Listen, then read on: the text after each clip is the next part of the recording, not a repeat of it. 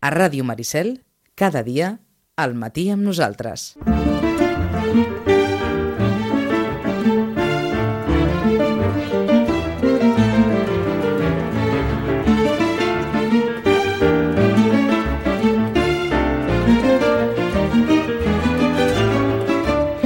Estàvem per preguntar-li a la Rosana si ara li vindria al cap alguna novel·la que en el seu rerefons tingui tempestes, llevantades, situacions meteorològiques adverses, vaja, com cims borrascosos o, o alguna cosa així. Rosana, bon dia, bona hora. Hola, bon dia, bon dia. No hi he pensat gens amb això. No hi has veus? pensat, eh? No, no, no hi he pensat, no hi he pensat. He estat tan, uh, tan vigilant de les palmeres i de que no em caigués tan més que, que no estava Home, pensant eh, en això. eh, sí que és cert, a, a Moby Dick es viu una gran tempesta, eh? Sí. I bueno, i totes les novel·les del Sharp, saps? Aquelles que, clar, que són totes de, eh, de mar i de guerra i tota aquesta sèrie que en va fer tantíssimes, evidentment es veuen tempestes de mar, però en cada novel·la, però, però vaja, no hi he pensat en aquestes doncs, que ens toquen tant cap aquí terra, no? Eh, I que, que, són, bueno, que ens toquen tan de prop, eh? No ens Entre, entre altres coses perquè aquesta setmana que ve encara no, però l'altra era el dia 2 de febrer que arriba ja el Premi Nadal El dia 4. El dia 4 de febrer. El dia 4 de febrer arriba el Premi Nadal, eh, el Premi Josep Pla, i també arriba l'Almudena Grandes, o sigui, serà un dia d'aquells que, que arriba molta novetat i molt important, sí. Vaja, Que, això és dimarts, eh? Dimarts que ve, sí. Dimarts no aquest que ve, sinó l'altre, sí, Mhm. exacte. Doncs dimarts 4 de febrer, Premi Nadal, Premi Josep Pla i Almudena Grandes, així de, de saque, per encetar amb força el 2020. Sí, i, i, i mm, algunes més que ara mateix no recordo, però que eh, evidentment serà un dia d'aquells que direm, bueno, eh, a veure, on te'ls col·loquem? Eh? On te'ls col·loquem? Perquè a més a més, si, eh, recorda que en aquells dies es fa la setmana, la, la setmana de novel·la negra a Barcelona, BCN negra, és a dir, que estarem en plena ebullició de llibres de d'autors de novel·la policíaca, perquè ja n'estan sortint molts, eh? Sup- cosa, eh? Suposo que expectació, no?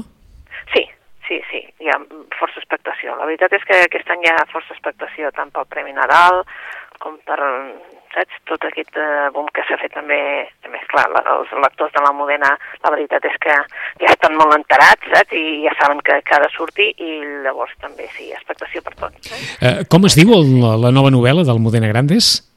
Uh, la, la hija de Frankenstein. La hija de Frankenstein. Sí, em sembla que es diu així. A veure, espera. Uh, em sembla que es diu, sí, la hija de Frankenstein. La madre de Frankenstein. La madre. Dona, ja no, no, em surt, no em sonava gens, dic, no, espera un segon, que no em sona gens, la, sinó la madre de Frankenstein. Doncs canviem la, canviem la hija por la madre. Ah, exacte, canviem la hija per la madre. La madre de Frankenstein és el títol de la novel·la d'Almudena Grandes que sortirà a la venda el 4 de febrer i recordem també, que, òbviament, eh, eh, Anna Merino amb el Nadal i Laia Aguilar amb el Josep Pla són les altres dues novel·les que sortiran el 4 de febrer i que, evidentment, estaran gairebé diríem que, que en el top de, de les vendes, perquè són dues, dues escriptores prou conegudes, una d'elles també molt en l'àmbit en l'àmbit televisiu, guionista televisiva, entre altres coses, i amb, i amb temes d'aquells temes tan transversals que poden captivar els interessos de molts i de moltes lectores. Tant el Premi Nadal com el Premi Josep Pla, Anna Merino, Laia Aguilar, El mapa de los afectos és la novel·la d'Anna Merino i és una novel·la d'aquelles en què precisament es parla d'una generació, aquesta generació d'entre els 40 i els, i els 50 i totes les reflexions afegides i Pluja d'estels de Laia Aguilar, la novel·la que va guanyar el Premi Josep Pla. Altres novetats que han de venir, a part d'aquestes tres? Doncs mira, molt, molt abans de que s'acabi el mes ha de venir una altra novetat eh, editada per eh, Asteroide en castellà i en català per Club Editor eh, de la Charlotte Delbo perquè el dia 27 de gener, que és el dia que surt el llibre, eh, es, es fan 20, 75 anys de la lliberació d'Auschwitz. Sí. i amb això doncs, té, hi té molt a veure aquestes dues novel·les. Eh, es publica Cap de nosaltres tornarà, eh, en castellà Ninguno de nosotros volverá, de la Charlotte Delbo, que fa ja un, un any i poc es va fer La mesura dels nostres dies, es va, va ser el llibre que es va editar també amb aquest testimoni eh, uh, femení sobre els camps nazis. Eh, de fet, és un, se la considera una, una autora de, de, de que ens parla de, de, bé, de tot el tema, sempre diem els camps nazis, els camps nazis, però un testimoni femení doncs faltava i aquesta, el 42, la Charlotte Delbo, sí. va ser detinguda a París, eh, era de la resistència i el 43 la van portar al camp de concentració d'Auschwitz juntament amb 230, unes 230 persones més o menys, que totes eren dones, eh? i només en van sobreviure 49. Eh? Clar, eh, ella va voler fer una trilogia sí. i en definitiva doncs, ha fet tres llibres i ja en tenim dos, eh, bé, d'aquí pocs dies dos, eh? i són eh, impressionants. D'acord. Eh, perquè, bé, d'aquelles wow. eh, autores que t'atrapen, vale? i, i, i que dius, bé, necessito llegir-lo. Eh? Mm -hmm. um, Delbo, que va morir l'any 1985 a París, ho llegim del, del Cultural 14 perquè hi ha un, un fragment d'aquesta novel·la que sortirà el proper dilluns dia 27 i és un fragment si us agrada aquest fragment, està clar que és una lectura, com poden vostès suposar, com, com ja apunta la Rosana, dura. Va ser una dona alliberada de les 49 dones que van sobreviure de les més de, de 200 que anaven en el seu comboi, en anaven 230. I ella diu, cadascú s'havia endut els seus records, tot el feix dels seus records, tot el pes del seu passat. A l'arribada vam haver de desfer-nos-en. Entràvem nus. Em direu que a un ésser humà se li pot arrabassar tot, menys la memòria. No sabeu res de res. Primer se li treu la condició d'ésser humà i aleshores l'abandona la memòria. La memòria se'n va a tires, com tires de pell cremada. Qui pugui sobreviure així de despullat és el que no enteneu. És el que no ho sé explicar. Vaja, pels pocs que han sobreviscut. Anomenem miracle l'inexplicable. I qui ha sobreviscut ha d'iniciar la reconquesta de la seva memòria. Ha de reconquerir el que tenia abans, el seu saber, la seva experiència, els seus records d'infància, la seva habilitat manual i les seves facultats intel·lectuals, la seva sensibilitat, la seva aptitud per somiar, per imaginar, per riure, i la frase final, que és lapidària. Si no mesureu l'esforç que això costa, no val la pena que intenti fer-vos-ho entendre. Ja veieu, eh? una autora important, una autora per, per conèixer i per, per posar-te realment en la pell de, de tot allò que van patir. Eh? No, no s'havia editat mai eh, a Catalunya aquest llibre? Uh, no, que no. jo sàpiga no. Uh, S'havia editat uh, fa molts anys en castellà per Turpial, uh, Ninguno de nosotros volverà. Uh -huh. I també hi havia un conocimiento inútil fa molts anys, potser el 2003 o el 2004, potser, el 2004 devia ser. I després també es va, es va, Turpial ho va editar en castellà, però en català jo desconec que això s'hagués fet, eh? I llavors eh, la veritat és que Turpial va fer la trilogia, però és clar, mmm, potser tampoc no era, saps allò, ni al moment ni era sí, un sí. editorial com per fer-ne molta difusió, mm -hmm. saps? I això va quedar una mica així, eh? Doncs... Però sí que la veritat és que és d'aquelles autores que dius, mm, te l'has de llegir, i la traducció és excel·lent, ja ho veus. Doncs aquesta trilogia que es titula Auschwitz i després és el testimoni de Charlotte Delbo, com els dèiem, va morir l'any 1985, va néixer a Vinyes-sur-Seine el 1913 i va ser alliberada el dia de Sant Jordi del 45 de Ravensbrück. Va dedicar-se al teatre com a assistent de Louis Jouvet, va afiliar-se a les Joventuts Comunistes i va conèixer l'home amb qui es casaria als bancs de la Universitat Obrera. Una vida, per tant, vaja, en fi, com totes les persones que malauradament van anar a parar als camps de concentració. Encaixo aquí. Uh, uh, encara es pot trobar els catalans als camps nazis? Sí, sí. ara sí.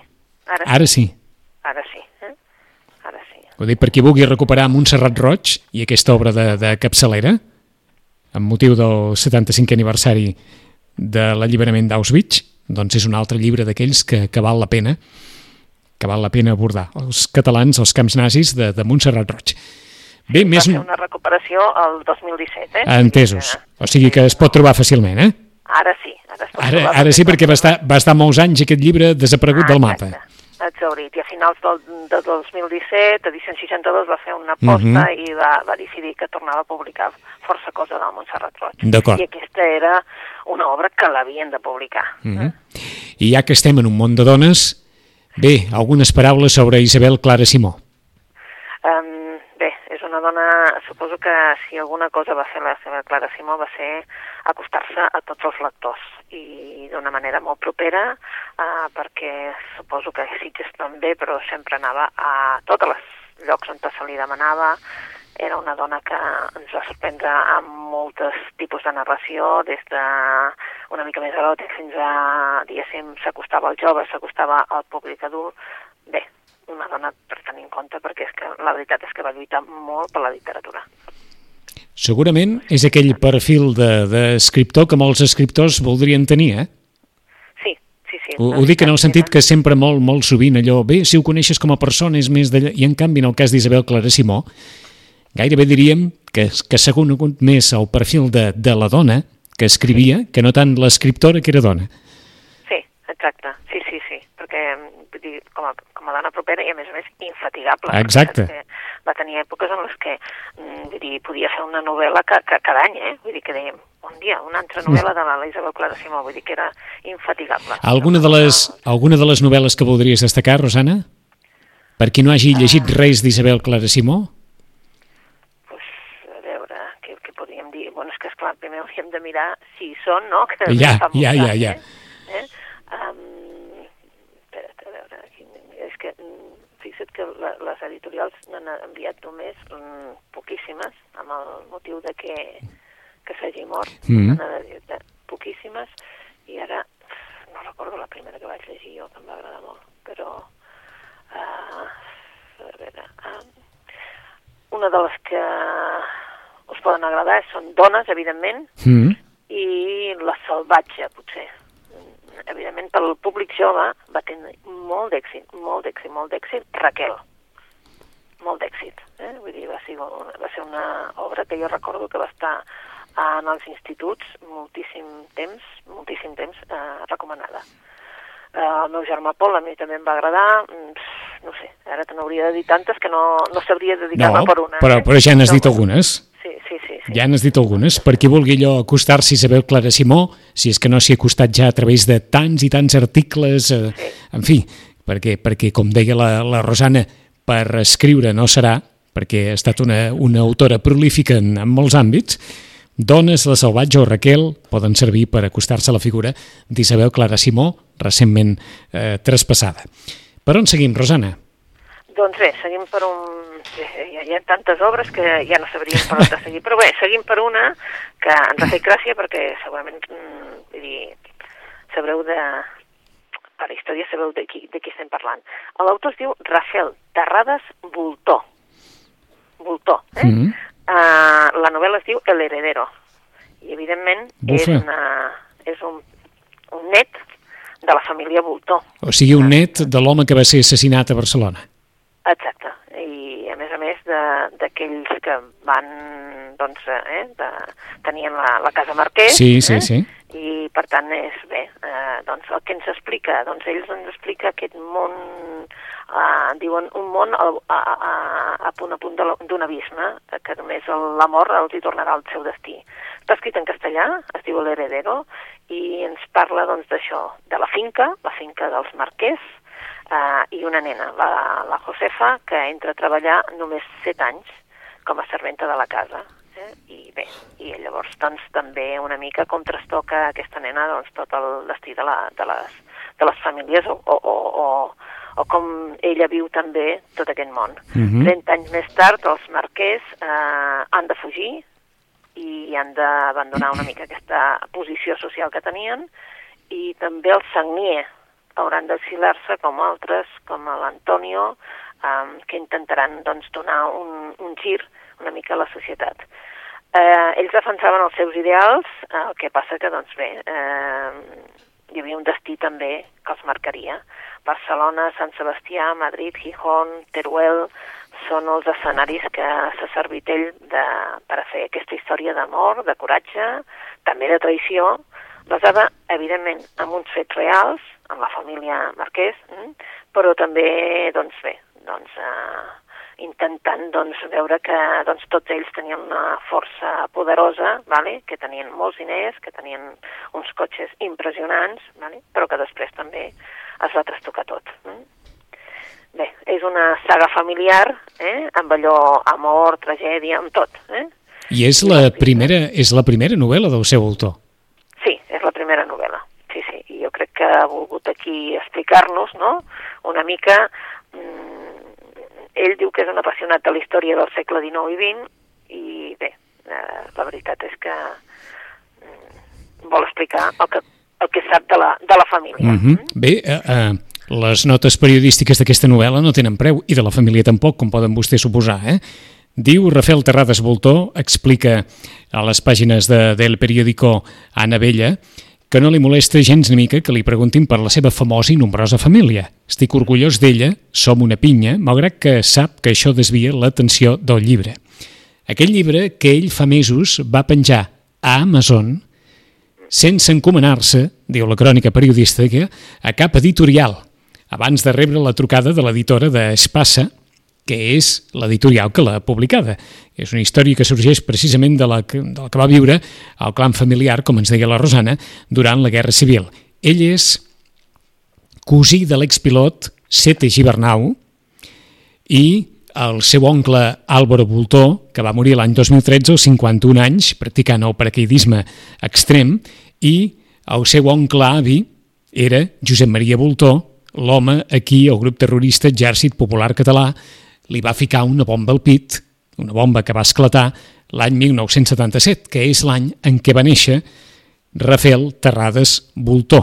I ell diu a les pàgines del periòdico, i ara agafin-se fort, jo vaig néixer aquell any, fou quelcom horrorós, però encara ho és més, que qui va entrar a casa seva li va posar la bomba i el va matar, Carla Sastre, un exconvicte que també va matar els Viola, l'exalcalde de Barcelona i la seva dona, avui diu Rafael Terrades, i per això segurament li preguntaran a més d'una ocasió, es passeja de la mà del president de la Generalitat i pel Parlament i escoltes que és la gran reserva de l'independentisme. Això és el que diu l'autor de l'hereu respecte a la persona o al convicte que va matar el seu eh, oncle avi, oncle, oncle avi no? Josep Maria Voltó, l'any 1977. La novel·la és El heredero promet ser un novel·lon d'aquells de, de tarda d'hivern, pel que ens explica la, la Rosana, i òbviament per una família que, que és una família no només nombrosa, sinó que ha viscut tota mena de situacions atzeroses. De Rafael Terrades Voltó, El heredero. Per on seguim?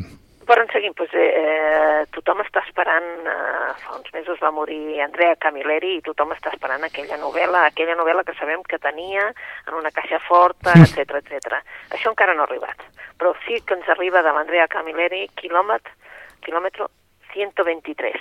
Uh, de moment no la tenim en castellà, crec que en català surt ja, uh, i bé, és una història sobre... Bé, no, no té res a veure amb el Montalbano, eh? És, és de les altres novel·les que ell feia, vale? és una novel·la no massa llarga, curteta, i la veritat és que, bé, és una història del Julio, el Julio mm, l'estan trucant per telèfon i ell no respon, qui el truca? Doncs pues l'Ester. I l'Ester qui és? Mm, bé, el Julio no pot contestar perquè l'acaben de traslladar a l'hospital després d'un accident. A on? Al quilòmetre 123 de la via Aurelia de Roma um, no, ell no agafarà el telèfon, l'agafarà la Judita, que és la dona del Julio.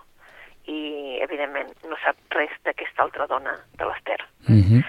um, això semblaria com, no? Sembla com un, un trio, allò, allò que dius, bueno, va, uh, ja hi som, no? Qui, qui és dels tres? Però qui, qui ha estat d'aquelles dues que, bé, um, un, un testimoni afirma que l'accident del Julió, eh, la veritat és que ha sigut un intent d'assassinat i per tant la, la investigació eh, li, li demanen que ho faci un policia criminal, que és l'Atilio Bongiovanni.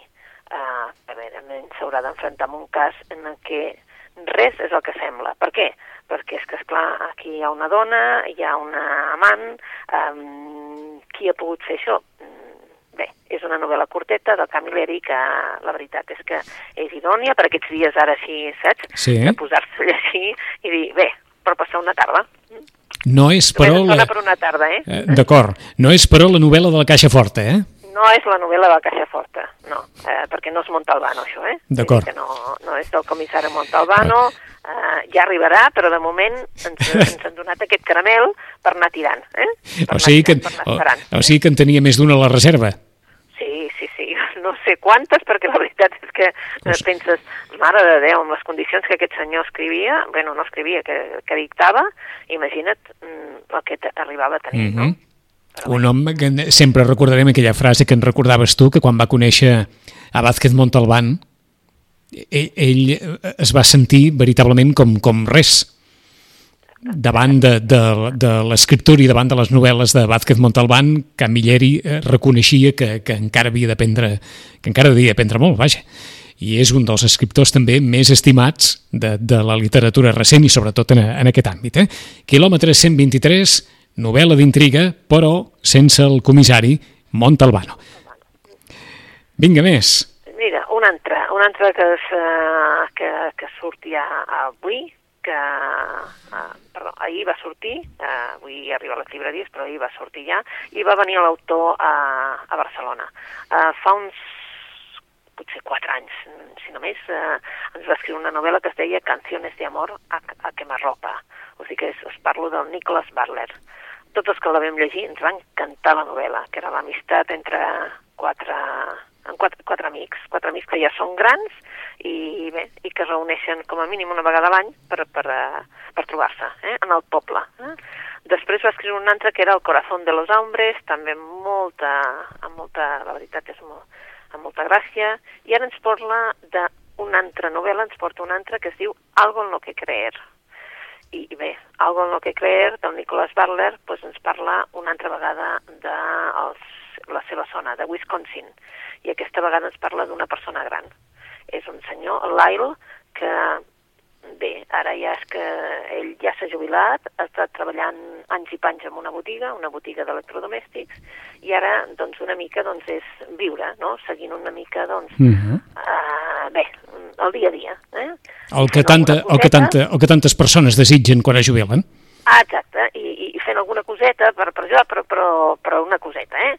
Però ara eh, passa una època molt feliç perquè eh, la seva filla, que en definitiva eh, és una filla adoptada, perquè van tenir problemes, etc etc, és una filla adoptada, i és mare soltera, eh, ha tornat. Ha tornat a casa, eh, l'adolescència va ser difícil amb ella i ara ha tornat a casa. I torna a casa amb un nen, l'Isaac, el seu net.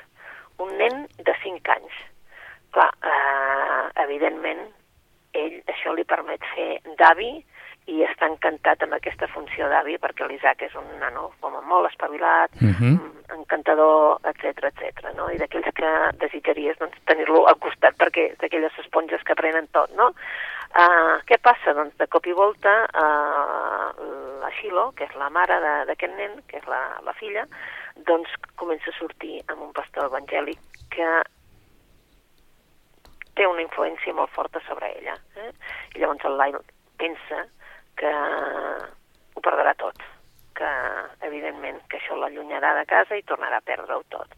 En definitiva és una novel·la mm, que ens presenta un personatge que diríem que tampoc no té res, no? És un senyor gran que doncs, viu en una granja, que tampoc no té cap, Mhm. allò, cap cosa especial, etc etc. És que estàs explicant gaire, gairebé una, una relació que molts avis poden tenir no, amb els seus nets Exacte. i com es, veu, com es veu alterada per un tercer que apareix a la vida familiar.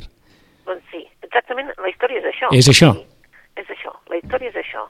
I Algo en lo que creer està tan ben escrita que dius, bueno, una història que no té res de nou, perquè no té res de nou, eh? com pot ser que ens la, bé, que ens la llegim amb un tres i no res, perquè és que està super ben escrita, vale? i és això, eh? Imagina't, Wisconsin, res a fer, vull dir, saps allò, Mhm. natura, granja, mm, tampoc no és que es dediqui molt a la granja, eh? no és que tingui una granja allò d'ovelles, de no, no, no, no, no eh? Té, viu en una granja però no, no fa gaire cosa ell, eh? i llavors, clar, és que narra tan bé tota la vida de, de l'avi, la relació de l'avi amb el net, eh, la relació com a pare que, que, que una mica que ha fracassat, etc etc. doncs és, eh, bueno, eh, la rutina aquesta, que seria tan pesada de que te l'expliquessin, Sí. resulta que és, mm, està molt ben, molt ben narrada. I qui tingui vocació per escriure, que sàpiga que Nicholas Butler, segons llegim, llicenciat per la Universitat de Wisconsin, molt bé, i pel taller d'escriptors de la Universitat de Wisconsin. Ha treballat al Departament de Manteniment de Burger King, de venedor d'hamburgueses, ha treballat en una empresa de telemàrqueting, en una indústria càrnica, en una torradora de cafè i també de dependent d'una botiga de vins. Tot això fet l'escriptor de Algo en lo que creer, novel·la que és especialment ben valorada per, per la crítica, però perquè vegin allò de dir, mira, a, què s'ha dedicat aquest home? Doncs aquest home s'ha dedicat a tot això, a part d'escriure llibres. Exacte, és que ens pensem que els escriptors... Doncs, Exacte, eh? viuen eh? només d'això, doncs- Escriu un llibre i ja viuen. Exacte. No, no, no, no. No, No ha estat el, no ha estat el cas de Nicholas No. Butler, Ni de, de molts, ni, ni de molts. ni de molts altres. Eh? Algo en lo que creer, aquesta novel·la que explica la singularíssima relació entre un avi i el seu net i com s'enterboleix perquè la filla de l'avi coneix a un pastor evangèlic que influeix, que trenca d'alguna manera aquesta, aquesta relació i fins a quin punt això frustra les esperances eh, d'un avi i, i d'aquesta relació amb el seu net. I tenim temps per, per una novel·la més encara, Rosana. Doncs bé, per, eh, doncs haurem de parlar de la, de la Maria Carme Roca, perquè ens presenten nova novel·la i es diu Abarcino. I també us haig de dir que el mateix dia també ha sortit també en castellà. Um, en definitiva, Abarcino ja veieu, eh? Um, comença així. Fa molts anys que vaig començar a morir. L'ànima se'm va esquinçar per la meitat i en el decurs del temps només he aconseguit apedaçar-la. Si he pogut sobreviure amb els certits és perquè el meu cos ha gaudit sempre d'una salut insultant. Ell ha estat la ferma carcassa que ha protegit el cor malferit. Aquella tarda, perquè no en tinc cap dubte que va ser aquella tarda plàcida d'una tardor temperada, vaig pregar amb fervor a les tres per CAE, que tallessin els fils de la meva existència, però lluny de fer servir les tisores, l'han perllongat fins a convertir-me en una vella que encara trigarà a pujar a la barca de Caron. Ens parla de la Barcino l'any 153 després de Crist. Mm. Doncs bé, la Maria Carme Roca ens fa una novel·la històrica, una novel·la que ens parla d'una dona, una dona singular, que en les notes de premsa diuen que això, que té un passat ocult i un enemic impecable. Escolta'm, quant de temps feia que no parlàvem d'una novel·la històrica? Doncs bé, força, Ara fa temps, eh? sí, fa temps, perquè a més a més, en, si hi ha un, un, un d'això, que, que, que jo penso que si hi ha un, un espai dintre de la llibreria que ens falta sempre és la novel·la històrica en català, perquè en surten molt de novel·la històrica, molta, encara, eh? Te'n recordes Oh, i fervor que tant. hi va haver? Aquells anys de, de la- de l'eclusió de, de novel·la Ah, històrica eh, entre els medievals, entre els càters, vaja, vam tenir entre les de la Guerra Civil, vam tenir de tot. De De tot tot. vam tenir. de tot. Bé, encara en surten forces en castellà, però en català costa bastant. Costa bastant, a no ser que sigui una traducció d'aquestes, doncs el Falcones, que es fa en català o en castellà, o Ken Follett, que es fa en català i castellà, però que sigui novel·la originàriament en català, ens costa més. Mhm. I aquesta ens ha fet gràcia per la Maria Carme Roca, doncs ens apareix ara amb Abarcino, mm? una novel·la sobre, evidentment, Barcelona. Bé, doncs amb aquest Abarcino tanquem el repàs a les recomanacions que han començat assenyalant. Sobretot, 4 de febrer surt a la venda el darrer Premi Nadal, el darrer Premi Josep Pla i el darrer llibre del Modena Grandes titulat La madre de Frankenstein. Aquesta és la darrera novel·la del Modena Grandes. Hem fet referència a una trilogia i a un dels llibres de la trilogia que ja és a la venda a les llibreries i que té molta relació, no és Auschwitz, però és Ravensbrück, qualsevol cas, la vivència en un camp de concentració, ara que el dilluns que ve s'escaurà el 75 aniversari de l'alliberament d'Auschwitz, de Charlotte Delbo, Cap de nosaltres tornarà, un dels llibres que l'autora va escriure a partir de les seves memòries viscudes com a deportada al camp de Ravensbrück, veient, òbviament, totes les atrocitats i totes les reflexions sobre la vida que es va fer. L'autora va morir l'any 1985, però els llibres perduren i es continuen editant en català i en castellà.